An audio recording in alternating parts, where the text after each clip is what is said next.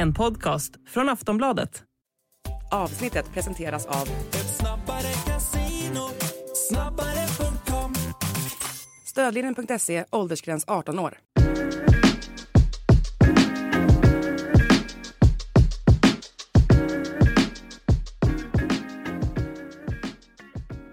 Då säger vi välkomna till Allsvenska podden och den här veckan finns det som vanligt väldigt mycket att snacka om. Framförallt så har det hänt en del på Sillyfronten och det har ju spelats matcher med, ja, rätt överraskande resultat.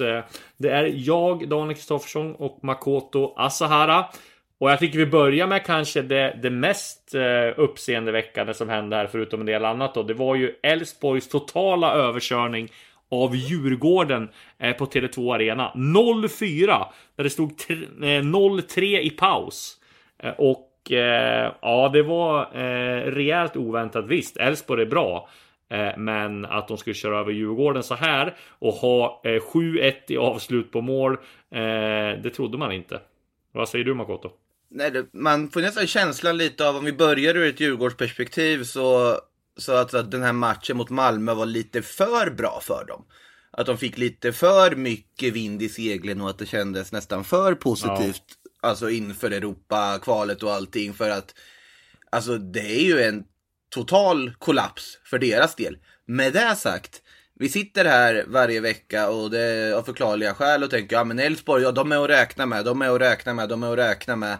Eh, men Malmö är nog ändå guldfavoriter. Nu är det ju läge att omvärdera den tesen med tanke på hur fruktansvärt bra Elfsborg faktiskt ser ut att vara. Eh, hur de sköljer över vilket motstånd som helst egentligen just nu och den extremt fina form de har. Eh, ja, i och för sig, IFK Göteborg lyckades de inte skölja över, men då hade de ett lag som också gick ut för att bara stänga igen butiken helt och hållet. När de möter ett lag som också vill spela och också vill föra spel och också vara kreativa och så vidare. Då är Elfsborg otroligt vassa på att utnyttja det. Otroligt vassa på att ändå dominera den typen av matcher. Och det gör man ju på ett ja, anmärkningsvärt sätt här mot Djurgården. Ja, och man gör det ju utan eh, Ondrejka här så det kanske var kanske allsvenskans bästa mittfältare får man säga här. Innan han drog. Och eh, Römer är visserligen kvar. Eh, Ockels gjorde det väldigt, väldigt bra. Eh, och ja, Johan Larsson eh, har vi sagt tidigare eh, har varit grym. Eh, samma sak med Bernhardsson. Så att, eh, men just att de gör det så bra utan just Ondrejka. Man trodde att han kanske skulle tappa lite grann där. Det, det har man inte sett, eh, sett skymten av. Liksom. Så att, nej, oerhört imponerad av Elfsborg. Som du säger.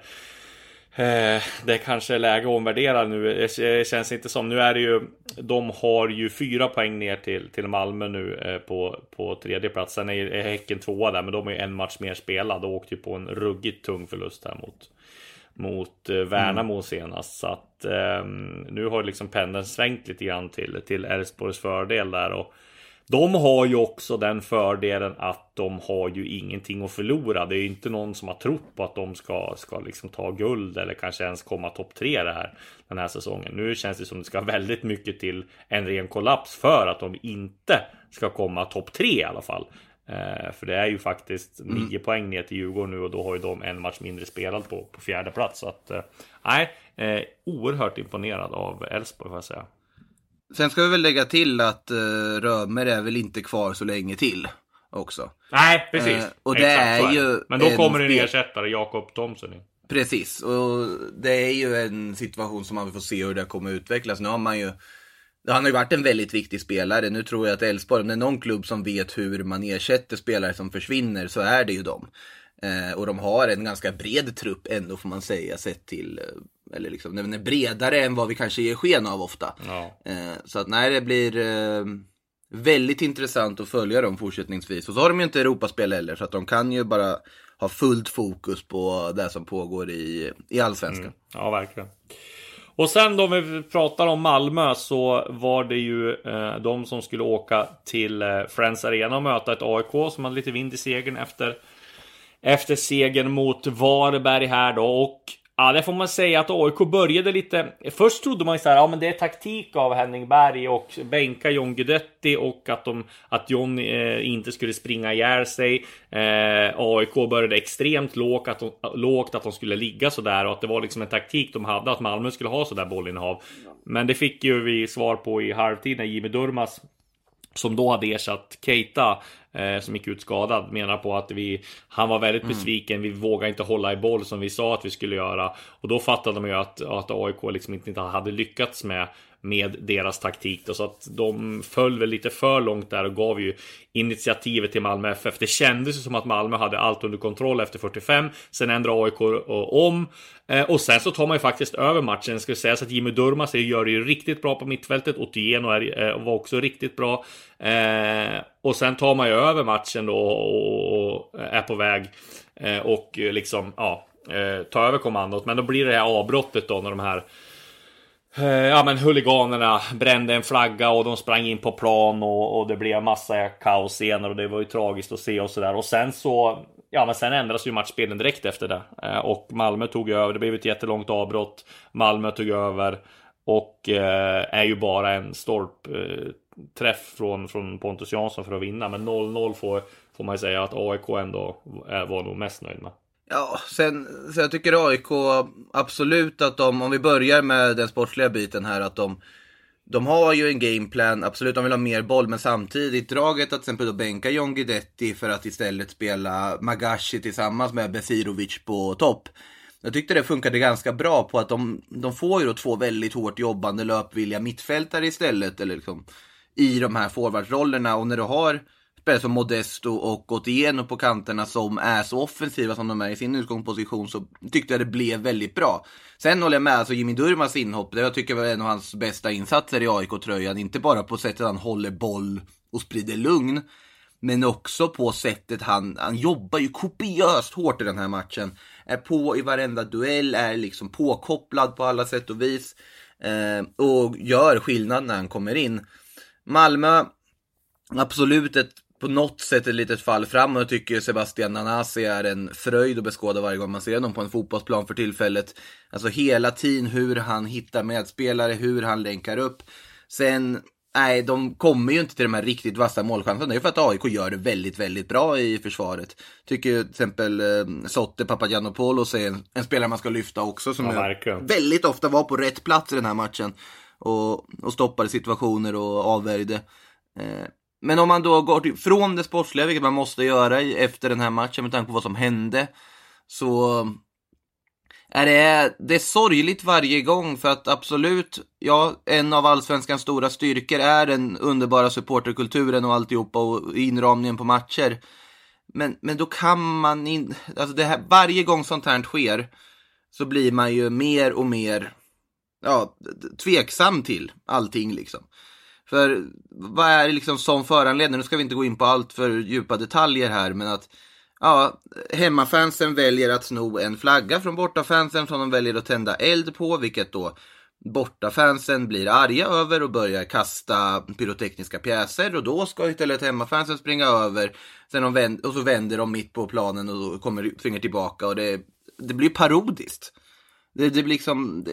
Ja, det är prov... men det, och sen är det ju så här, det väldigt många som agerar, Det är provocerande att se att man tillåter liksom maskerade människor bara springa över och sen är det ingen som gör någonting. Det är en vakt där som bara puttar på en liksom. Alltså det, det, vilken, annan, vilken annan plats i samhället tillåter sådana grejer att hända liksom? Det är det som är så, det är så, och, och, så tragiskt och det det, det är bedrövligt. Tyvärr har det varit lite för många sådana här alltför hotfulla situationer de, den här matcherna. Det har varit eh, tidigare också och det är klart att det är ju väldigt många. De flesta matcher spelas ju, alltså alla eh, 95% av matcherna är ju eh, är lugnt och, och behagligt på. Men när det just händer sådana här grejer och när det blir så här hotfullt som det blir att folk springer på plan och det var kravallpoliser eh, tidigare matcher och så här. Det blir ju liksom ett sätt som det kommer förstöra för alla. För att jag tror ju att nu, nu var det no, någon klubbledare såg jag som var liksom eh, ute att man skulle ha kollektiv bestraffning, vilket såklart eh, eh kollektiv bestraffning är ju inte alls bra tycker jag heller. Man ska liksom lagföra de som gör de här brotten. Men det, det, risken är ju att det blir straffen blir ju kollektiva nu och att eh, det blir liksom hårdare tag, att man kommer införa eh, spel inför tomma läktare och det hade ju varit eh, katastrofalt liksom. Så att det är sådana här incidenter som liksom legitimerar att det kommer bli sånt tror jag, tyvärr. Ja, och det värsta är ju att här får man ju på något sätt det på känn. Ja. När man plötsligt ser den här, eh, alltså MFF-familjen-flaggan eh, i, i, på Norra Stå. Så förstår man, nu kan det bli problem. Och då, då på något sätt så känns det som att ja, det, man ska inte behöva känna då liksom hela premissen för alltihopa blir parodisk. Ja, och, men, och sen, Eh, sen jag trodde man ju när de, hade, när de hade så långt matchmöte så trodde man ju faktiskt att ah, men den här matchen kan ju fan, behöver kanske inte spelas klart. Och då var det liksom ett skott, ett knallskott till så hade de brytit, sa de på Discovery. Och vad hade hänt om det hade blivit en feldömd straff i, i en tveksamt dömd straff till något av laget i 19 minuten? Vad hade hänt då liksom? Så att, ja, nej, eh, tråkigt och vi hoppas att eh, det var det sista vi såg av de här händelserna. Tyvärr så, så eh, skulle jag inte bli förvånad om det händer något sånt här igen. Men vi hoppas att, eh, att det är slut med sånt där nu. Nej, men det får inte normaliseras. Nej. Det är det som är problemet. Att Exakt. det börjar normaliseras sakta men säkert. Att ja, men man får väl räkna med att det blir ett långt avbrott. Och där tyckte jag väl att, eh, alltså det Henning Berg sa efter matchen var väldigt bra. Jag tyckte väl det som Henrik Rydström sa efter matchen var väldigt bra. Jag tyckte flera spelare som också ändå liksom tydligt visade att nej, men det här är inte okej. Mm. Sen vissa som inte gjorde det kanske, men det där är inte heller lätt för spelare, det förstår jag. Mm. Eh, Men det är ju ingen som vill ha de här avbrotten, så är det ju. Nej. Finding your perfect home was hard, but thanks to Burrow, furnishing it has never been easier. Burrow's easy to assemble modular sofas and sectionals are made from premium, durable materials, including stain and scratch resistant fabrics. So they're not just comfortable and stylish, they're built to last. Plus, every single Burrow order ships free right to your door. Right now, get 15% off your first order at burrow.com slash ACAST. That's 15% off at burrow.com slash ACAST. Vi går på något lite roligare då, eller inte för Häcken såklart, men eh, Värnamos skrällseger var, såg man ju inte komma direkt. Eh, Simon Tern blir målskytt, någon form av rekord där av att han har gjort mål för många klubbar va? Eller hur, hur var det? Var det någon som snackade om? Har vi spelat för Han har ganska spelat många för ganska många, har klubbar. gjort mål för ga- ganska många allsvenska klubbar. Nu har jag gjort mål för Värnamo också. Jag vet inte om det var rekord, men han har i alla fall gjort mål för väldigt många klubbar. Och ja, det måste ju ha varit ett av hans skönaste mål där. Eh, I slutminuterna när han eh, fixar Värnamos extremt viktiga seger mot Häcken. Som, eh, ja, som det var en ruggigt tung smäll för i, i allsvenska toppstriden. Och kanske hade man tankarna lite grann på eh, Klaxvik och eh, Champions League kvalmötet här på, borta eh, i, på Island. Vad, vad, vad tror du Makoto? Alltså det var ju inte någon, eh, alltså absolut att det fanns vissa sådana tendenser i startelvan när man tittar, eller inte mycket heller. Det var ju egentligen starkast möjliga lag man slänger ut här borta mot Värnamo, så det fanns ju ingen sån form av underskattning. Eh, absolut Ola Kamara in från start, men vi vet ju alla vad han borde kunna göra efter det han gjorde i MLS. Nu verkar han vara en ganska lång bit ifrån det. Eh, det ut i paus här säga. också. Han har Ja, haft en lång eh, startsträcka för att komma igång Ola Kamara känns det. Kanske inte så här lång de hade räknat med. Nej, men man har ju tänkt att det där är ett väldigt stort sparkapital de har när Benny Traoré nu har dragit till eh, Sheffield United. Det pratas för lite om att Sadik skulle kunna säljas också möjligtvis. Har det funnits lite rykten om och så vidare. Man har ju spelat många matcher med Trubchevski då, den unge anfallaren. Man har väl inte riktigt heller tagit chansen. Eh, så att det är väl lite frågetecken vad som egentligen är Häckens bästa offensiva lineup just nu. Och det behöver man ju lösa om man ska kunna gå långt i Europa. Man har ju fått, man har ju fått lotten på sin sida i alla fall och eh, lottningsgudarna rätt på. Absolut. Ferencvaros kändes först som ett svårt motstånd. Sen åkte de och förlorade mot Klaxvik från Färöarna med 3-0 hemma, vilket ingen hade förväntat sig. Så nu är det ju Färöis motstånd för Häcken nästa runda, där man är ju såklart är stor favoriter på förhand. Och sen då kunde det blivit Galatasaray i nästa lott. Nej, Ja. nu verkar det bli istället eh, HJK eller Molde. Så att det är ju, de har ju haft väldigt tur med lotten Ja, det får man lugnt hittills. säga. Eh, och då gäller det ju också att ha att Häcken kommer upp i sin vanliga nivå, i sin grundnivå, så de också kan utnyttja den ja, ändå väg de har mot att eh, komma ganska långt i den här Europasommaren. Eh, men om man tittar på Allsvenskan, det här är ju den typen av poängtapp man på något sätt får räkna med när ett lag har fokus på någonting, eh, någonting stort på, på andra ställen än Sverige så att säga. Eh, Värnamo gör det jättebra i den här matchen när de löser den här segern. Och man blir alltid glad som sagt när Simon Thern gör mål. I alla fall jag blir det. Jag tycker det är en eh, väldigt sympatisk karaktär och eh, någon som förgyller allsvenskan oavsett vilken klubb han representerar. På tal om sympatiska karaktärer. Jakob Bergström avgjorde i comebacken i Mjällby. Eh, han satte 3-2 mot Sirius. Han hoppade in i klacken eh, som var där och sa att han, ha, ja, men hade lite uppförsbacke nu efter sveket när han gick. Men nu var han tillbaka och då var han tvungen att liksom. eh, ja, det var en bra. Eh, han plockade många poäng där genom att avgöra så att eh, Jakob Bergström också fantastisk karaktär och eh, han kunde inte få någon bättre någon bättre start eh, på sin nygamla klubb då i Mjällby och eh, ja, var ganska skön där i intervjun med, med Discovery. Jag såg faktiskt att det var många Djurgårds eh, Djurgårds supportrar som var väldigt glad för när jag kollade på, scrollade ner på Twitter på sociala medier. Att det var många, väldigt många Djurgårds supportrar som var ganska glada för, för hans skull. Och, ja, det kan man, kan man förstå faktiskt. Mm. Och viktig seger för Mjällby ja. också som hade kanske behövt, behövt titta lite neråt nu om man inte hade vunnit den här matchen. Ja, det var en jätteviktig seger för Mjällby såklart. Eh, angående Bergström så kan jag förstå den sympatin på att han fick ju inte jättemycket chanser att visa upp sig i Djurgården. Det ska vi ju medge. Eh, och på så sätt det vart ingen lyckad flytt dit, även om man, man kände potential med den när den gjordes. Eh, här, ja, han, han bara går ju bara in och, uh, och frälser Mjällby. Man förstår ju, man undrar ju varför någonsin lämnade han Mjällby. Han passar ju perfekt i Mjällby. Det är här han ska vara. Det är ju den, här, den tröjan han ska bära. Han ska, ja. Eh, måste ju nämna också att eh, Wessam Abou Ali har, gjorde ju mål direkt ännu en gång ja. för Sirius, ska ju sägas också. Det är väl, verkligen fynd de verkar ha gjort där, i alla fall i, i målväg. Verkligen. Men sen eh, så vart ju det här en match som handlade om Jakob Bergström i slutändan i alla fall. Mm. Ja, eh, viktig seger såklart för, för Mjällby. Och eh, ja, en annan viktig seger tog ju BP som hade torskat tre eh, matcher i rad här innan de skulle möta Hammarby, svårspelad. Där vinner de 1-0. Ah, man får väl ändå säga att det är lite tur BP har, även fast de gör en, en hyfsat bra match. Att Hammarby blev ju rånad på en straff där när eh, Erabi blir dragen i tröjan och sen så tycker jag också att det är straff när bollen kommer på handen där så Hammarby skulle ju haft Eh, två straffar där, sen missar ju eh, de öppet mål också från nära håll. Så det är klart att BP hade marginaler med sig, men samtidigt har ju BP kanske förtjänat också någon sån här eh, turlig seger med tanke på en del matcher där de, när de har spelat väldigt bra och inte har fått med sig poängen. Så att, nej, eh, men eh, viktig seger för BP och nej, tungt för Hammarby som inte riktigt liksom trummar igång här.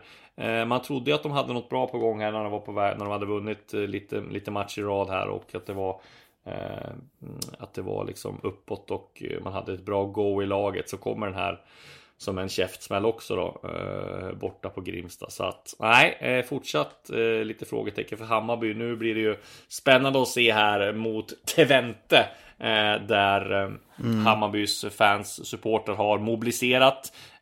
De är väl typ, har några konstiga regler där i, i Holland såg jag som hade... De är portade från stadskärnan. Portade från stad, det är helt sjukt. Det är ju Eh, nej, mycket konstigt, men jag gissar att det kommer bli det är många Hammarby, Hammarbyare som, som får en, en, eh, en bra resa dit till, till Holland och förhoppningsvis då bra match. Eh, så att de får mm. ett bra resultat eh, och med sig på Tele2 när de ska få, i returen.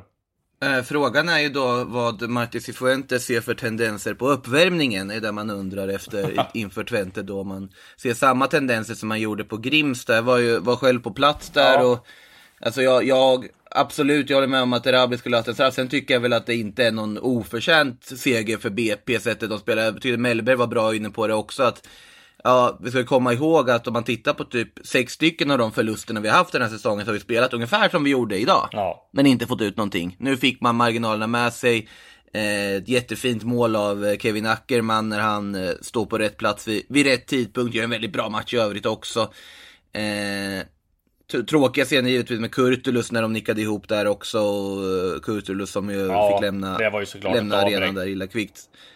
Ja, det, och det blir väl, nu har inte jag följt exakt vad det har blivit för efterföljder av det än så länge, men eh, som sagt jätteoroväckande såklart att tappa en sån spelare för Hammarbys del.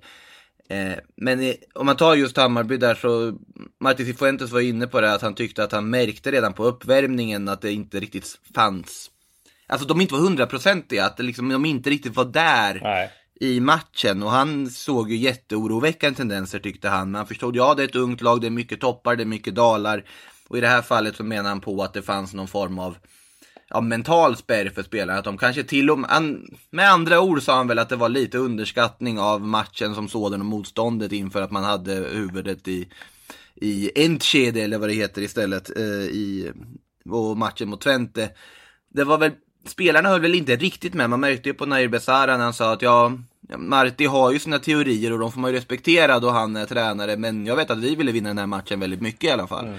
Mm. Eh, så att det gäller ju att när man då väljer att såga truppens inställning till en match gäller det att få med sig dem på rätt, rätt köl nu också inför, eh, inför det som komma skall. Men nej, det här var väl inte riktigt vad Hammarby behövde. Sen absolut, ett ungt lag, mycket toppar och djupa dalar också.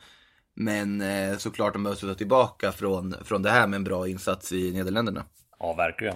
Eh, det ska bli väldigt spännande att följa eh, Hammarbys eh, äventyr i Europa Conference League-kvalet. Precis som det ska bli spännande att följa Djurgården och Häcken och, Kalmar. svårt mm. på förhand för svenska lagen. Alltså kanske inte för Häcken då som det är klart det blir svårt. Men alla andra är ju ganska tydliga underdogs. Så vi hoppas på, på någon skräll i alla fall. Vi sänder ju de matcherna också. Skulle du säga att de är tydliga underdogs resten? Vad sa du? Skulle du säga att resten är tydliga underdogs? Det vet jag inte om jag håller med om. Vilka är tydliga underdogs? Eller vad sa, vad sa du? Eller nu kanske jag hörde fel, för det är ju de, de svenska lagen är väl inte under... Alltså Hammarby är underdogs mot Twente. Ja, Djurgården är väl lite underdogs mot Lützen också, är de inte? Mot, ja, jag skulle nog inte vilja sträcka mig som att de är så otroliga underdogs ah, okay. med tanke på vad de slog ut för motstånd och gick vidare förra ah, okay. året. Samtidigt absolut, de förlorade nyss med 0-4 mot Elfsborg. Ah. Eh, så att eh, den aspekten finns ju. Kalmar, absolut, arméns motstånd är inte det lättaste heller. Eh, men det, jag skulle ändå vilja sträcka mig till att det är 50-50 lägen på dem. Ja, så kanske. Okay, Sen okay. har man ju fått ganska gynnsamma lottningar nästa Efter, steg. Inte Kalmar då som nej, kan få Bodö Glimt. Men... Nej, vi får väl se helt ja. enkelt. Det spelar ju egentligen ingen roll vilka som är favoriter eller inte. Nej, exakt. Ryan Reynolds here from Mint Mobile. With the price of just about everything going up during inflation, we thought we'd bring our prices down. So to help us, we brought in a reverse auctioneer, which is apparently a thing. Mint Mobile unlimited premium wireless. Ready to get 30, 30, bit to get 30, bit to get 20, 20, 20, bit to get 20, 20, bit to get 15, 15, 15, 15 just 15 bucks a month. So, Give it a try at mintmobile.com/switch. slash $45 up front for 3 months plus taxes and fees. Promo for new customers for limited time. Unlimited more than 40 gigabytes per month slows. Full terms at mintmobile.com. Om vi tar kort då, Norrköping, det var ju eh, gick mot 0-0 där. Mike Sema avgör i eh, sista sekunden. Eh, fina mm. Eh, scener där får man se när han hoppar och firar med brorsan Ken Sema som är hemma på besök där. Och ja, eh, Glenn Ridderssons, eh, inte ärevarv, men Glädjefnatt var ju kul att se. Tungt för Degerfors då som hade ju en extremt jobbig första halvlek. Där Norrköping var totalt överlägset. Och så ska man försöka kriga, man krigas in i matchen och så får man med sig ett kryss, vilket hade varit kanonresultat. Och så åker man på den där käftsmällen. Så att, nej, Tungle Degerfors mer uppåt till Norrköping som nu är femma eh, i allsvenskan. Det, nej. Så kan det gå. Ja. Uh, det, jag håller med om de där bilderna. Det är intressant med just så här Mike Sema, Ken Sema. För det har ju på något sätt länge ansetts vara de här brödrasupertalangerna som Norrköping tappade som de, man tänkte, tänk om de hade fått sina chanser en gång i tiden. Mike Sema gick ju i ung ålder till Hammarby. Ja. I Norrköping ja. ja. Mm. För Mike Sema gick ju i ung ålder till Hammarby. Mm. Ken Sema fick inte riktigt chansen i IFK Norrköping. Hamnade istället i Ljungskile ja. under Tor Arne Fredheim. Och sen vidare till Östersund och ja, sen vidare ut i England och Italien och allt vad det har varit för, för honom. Eh, och Mike hittade ju tillbaka till slut i Norrköping. Det var en lite krokig väg, men att få se de två eh, liksom fira ett mål måste vara att Ken Sema gör det i egenskap av att vara på besök hemma eh, på semestern. Och Mike Sema i egenskap av att det kanske var liksom lite past hans prime så att säga. Eh, så finns det ändå väldigt fint att få se de bröderna fira ett IFK Norrköping-mål i Norrköping. Det är nog någonting som jag tror många, många med Norrköping-anknytning blir väldigt glada av att se i alla fall. Ja. Eh, exakt. Eh, ja, men viktig seger för Norrköping. Degerfors har kämpigt. Där får vi se då vad som händer. Förra mm. eh, året så var det diskussion om de skulle sparka tränarna eh, Solberg och Holmberg där men eh, man höll kvar vid dem. Eh, nu mm. har det börjat eh, pyra där igen och ja, jag tror inte de får ha för många förluster till. Eh, då tror jag också man kan börja överväga. Men det ska ju sägas, det ska nog mycket till för att Degerfors ska sparka dem. Men nu har de en extremt viktig match mot eh, Brommapojkarna här på lördag som nästan måste bli seger. Skulle det bli förlust där så tror jag nog att man kommer nog i alla fall diskutera tränarparets framtid. Det skulle inte förvåna i alla fall. Eh, sen kan vi konstatera att Blåvitt, ja, det är ju ett eh, fortsatt haveri. Man kan inte vinna. Nu vinner man inte heller. Man blir, eh, man blir rätt utspelad mot Varberg hemma. Nu möter man alltså Halmstad hemma. Där vinner man inte heller, utan det är 0-0. Man är ju nära på och, och, och, och göra eh, lite mål här och har en del chanser. Men nej, man, man vinner inte sådana matcher heller mot eh, lag som är tippade som eh, bottenkonkurrenter. Nu har ju Halmstad gått rätt bra i sjua, men man får ändå säga att på förhand så var de väl tippade ungefär eh, ja, eh, som IFK Göteborg då. Men nej, det är lite oroväckande att man fortsätter att inte vinna, vinna hemma eh, och att man mm, har problem att göra mål. Eh, mm, och nästa match då för IFK Göteborg är Kalmar. Även den på hemmaplan så att det blir väldigt viktigt. Det var tungt tror jag för Blåvitt att man inte kunde kapitalisera på den här fina insatsen mot Elfsborg som man faktiskt gjorde. Alltså de har varit i ett läge där bara att ta en poängare hade räckt för att lösa kontraktet. Ja. Absolut, då kanske den här metoden de har just nu skulle fungera. Men problemet är att de är ju allt för uddlösa offensivt. Det, det, finns ju ingenting. Och så här match hemma mot, all respekt mot Halmstad BK, men Halmstad BK är ett annat lag när de spelar på en annan arena än Örjansvall. Ja. Och för Göteborg hemma, med det liksom stöd de har från publiken på Gamla Ullevi, de ska ju ut och liksom försöka föra spel och, och vara dominanta. Mm. Och att, ja, nu absolut, såklart det inte var riktigt samma alltså, pragmatiska approach som mot Elfsborg. Men det är oroväckande hur lite, hur uddlösa de är framåt tycker jag. Och det, de är illa ute. Det är, det är, det är inte liksom, jag är långt ifrån den första som säger det. Men de, de är genuint illa ute, det är känslan jag har just nu. Extremt bra gjort av Kalmar också att vinna. Eh, trots att Ricardo Friedrich blev utvisad igen andra matchen i rad. Får vara någon form av rekord. Eh, men där får man ju säga att Kalmar nu är sexa. Det är ju faktiskt väldigt bra gjort. De har faktiskt studsat tillbaka efter efter att eh, man trodde att de var lite på, på, på, på dekis där när de först förlorade mot Elfsborg med 4-0 och sen eh, torskade de mot Hammarby och sen så trodde man att ja, men nu fick de Friedrich utvisad igen här och då kanske det blir torsk igen. Men, men eh, det blev det inte så de reste sig där och har ju som sagt Göteborg borta eh, nästa omgång och eh, det tycker jag att eh, Kalmar har fått ihop det väldigt bra. Framförallt att man inte viker ner sig efter efter att man har fått några eh, förluster. Och Simon Skrabb gör det väl fortsatt väldigt bra i, i, i Kalmar också. Nu vet jag inte riktigt om liksom en strid om femteplatsen har någon sorts liksom eh, egen, egenvärde så att säga. Men det finns ju tre lag som är där och det är ju Norrköping, eh, Kalmar, eh, Hammarby. Ja, det är om Halmstad skulle hänga i också såklart. Men det, Eh, jag har väldigt svårt att se att något av de här lagen dock ska bryta sig in i topp fyra. Det skulle vara om Djurgården kollapsar helt och hållet på sikt också givetvis ja. och, och, släpper in. Men jag tror att Elfsborg, Häcken, Malmö där uppe, de tror jag blir väldigt svåra att uh, hinna ikapp oavsett i alla fall. Mm. Ja, det var det om uh, vad heter eh, matcherna eh, förra omgången. Nu går vi på det här.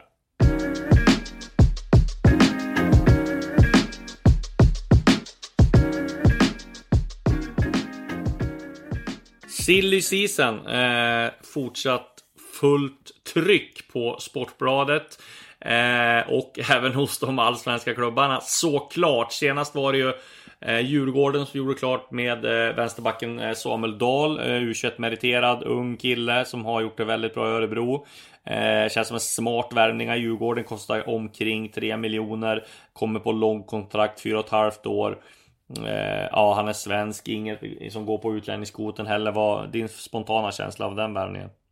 Alltså Djurgården gillar ju att värva sina yngre, yngre förmågor, alltså inhemska yngre förmågor. Och jag vet inte, det är väl min spontana tanke är att det är kul för liksom Noel Milleskog att få en gammal Örebro-kompis ja, på plats.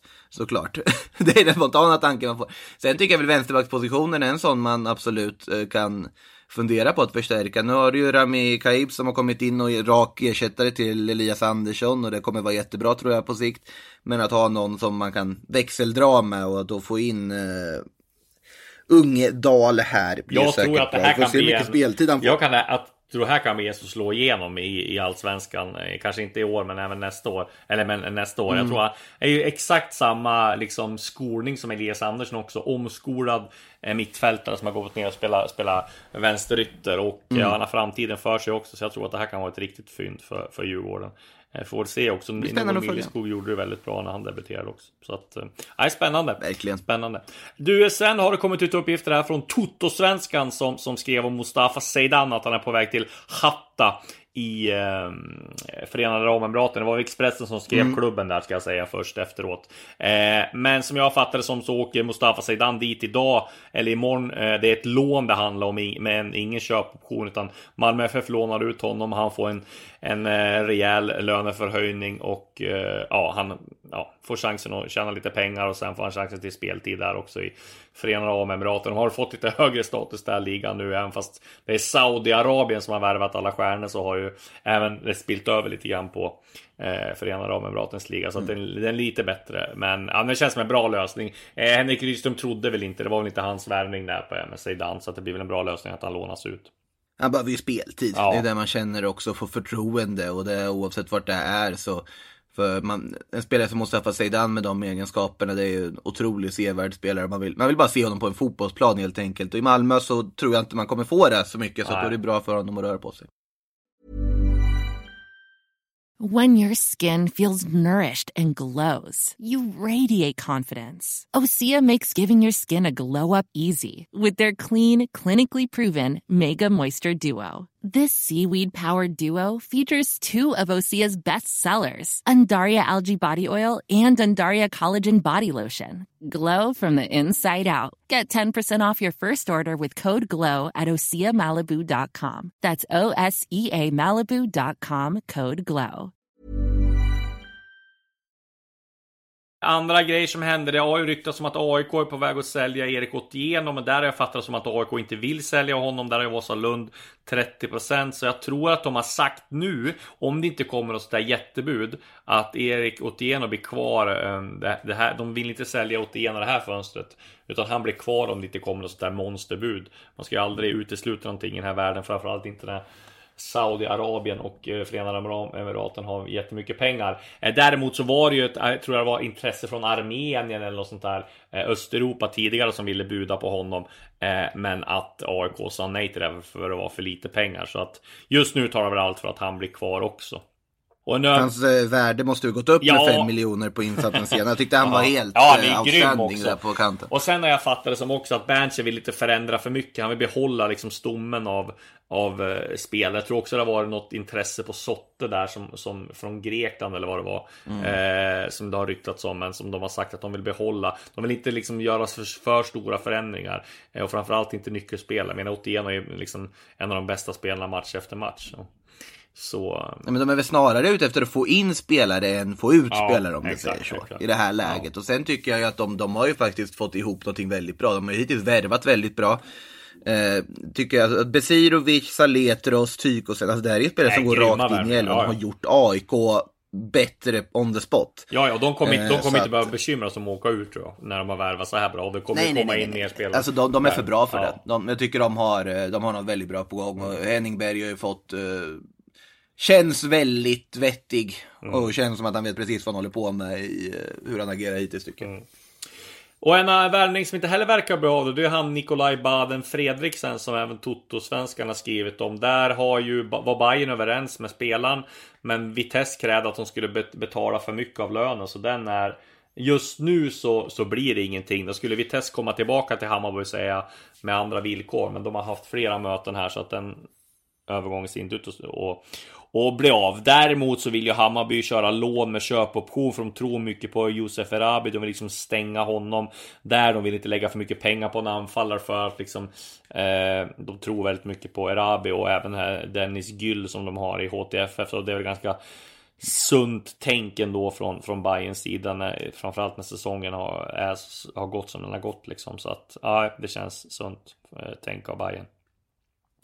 Vad har du på Mark Ginares då, från eh, Albacete? Ja, du, ingenting. Men där känns det som att, eh, där känns det som att eh, de värvar en som ska kunna vara med och konkurrera om, med Anton Krail här om vänsterbacksplatsen och även kanske Simon Strand. Det kändes ju i pressmeddelandet mm. som att han inte värvade gå direkt in från start utan han behövde en startsträcka. Och sen vet jag också att Hammarby har varit ute och kollat efter lite billiga alternativ där med tanke på att de inte heller vill lägga för mycket pengar på, på vänsterbackar. Så att Nej, det, eh, det är nog rätt smart också där att värva billigt och, och kunna fynda Marti har väl bra koll på honom så skulle han bli en, en succé så är det väl eh, en bonus då men där räknar väl eh, både klubben och, och, en del andra med att det blir en, en, en startsträcka på, på några månader i alla fall. Osasuna B spelade han i alla fall i förra säsongen ja. och spel, spelade ändå ganska frekvent och då pratar vi ändå en klubb som spelar i alltså den spanska tredje divisionen. Ja. Så att det är ju, vad kan man säga, man kan väl jämföra lite med, nu ska vi inte göra några jämförelser i övrigt, men spelar väl ungefär, va? David Batanero. Ja, li, ja lite så. Eller jag började tänka på de här gamla Halmstad-spanjorerna. Ja, men de kommer ju från Real Madrid då.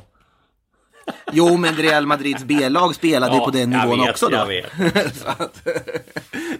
var en skön rubrik. Ja, jag, jag kommer ihåg det. Jag, alltså, om det. Jag tror att det var jag som avslöjade om att den här trion. Då var det rubriken var eh, Halmstad BK värvar trio från Real Madrid. Jo men det var ju det de gjorde, för ja, alltså, Raúl Ruiz hade ju ändå spelat med A-laget. Ja, eh, Javier Hernandez var ju ändå Gotis kusin. Ja. Så att det fanns ju någonting. Det fanns ju någonting där ändå. Varberg ska vi säga till sist har en norsk anfallare på radarn. De är överens med Skade om Kristoffer Hoven. Eh, hoppas ju kunna lösa honom här och det är väl en liten lösning där de hoppas att han ska kunna skjuta eh, dem kvar i allsvenskan. Ser ju väldigt mörkt ut nu för Varberg att de ska hålla sig kvar, men det är nog bra om de värvar eh, en anfallare i alla fall. Så ja, vi får se om de lyckas komma överens med, med spelarna. Spelarna har väl inte tagit något slutgiltigt beslut än tror jag, men de hoppas väl ha honom på plats här inom några dagar. Ja, de behöver ju någon som kan hova in lite mål. Så är det ju. Verkligen, verkligen. Ja, och sen har vi Jamie Roach också som lämnar eh, Sirius. Eh, vi skrev där att de är överens med Laus, eh, Lausanne i Schweiz om övergångssumma. Eh, han är nere och besöker klubben nu och väntar skriva på och göra läkarundersökning i dagarna här och Sirius får en jättesumma för att vara Sirius i alla fall. Som jag fattar det som så landas summan på 12 miljoner kronor, omkring 12 miljoner svenska kronor, vilket är väldigt bra för Sirius. Så att han är väldigt populär i, Sirius. Eh, Jamie Roach, han har spelat där nästan hela, hela sin karriär. Eh, han är, har blivit liksom en fanbärare och då tar man bra betalt, vilket man har gjort och ja, det är svårt att säga nej till en sån summa för Sirius. Och man har ju faktiskt hittat, eh, man kan ju faktiskt hitta en väldigt bra ersättare för, för de pengarna. Så att, nej, 12 miljoner till Sirius, det, det är en riktigt bra affär för, för dem. Du, eh, det var det för den här veckan. Eh, vi ska ju ses ju på torsdag, då är det dags för Europa League-sändningar. Vi har studio på Eh, Tele2, Djurgården, Lützen. Vi kommer väl följa också. Vi har ju kommentatorer och sänder ju också Hammarbys bortamatch mot Twente. Men där har vi ju mm. ingen på plats utan det är studio eh, på plats på hemmaarenorna som gäller. Vi har ju studio på Hammarbys på Tele2 eh, nästa vecka och i returen. Och det ska bli väldigt kul med de här sändningarna. Det var ju en dundersuccé eh, förra året. Ja, och sen får man väl eh, slå ett slag för innan dess. På onsdag kväll så visar vi uh, Häckens möte med Klaxvik också. Exakt. Eh, från Färöarna. Får kan ni hänga med mig där på onsdagskvällen och eh, kolla lite Champions League-kval. Mm. Härligt! Då säger vi så för den här veckan och så kör vi på återhörande nästa vecka.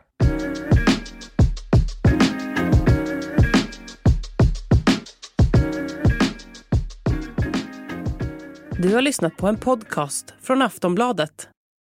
Ansvarig utgivare är Lena K Samuelsson.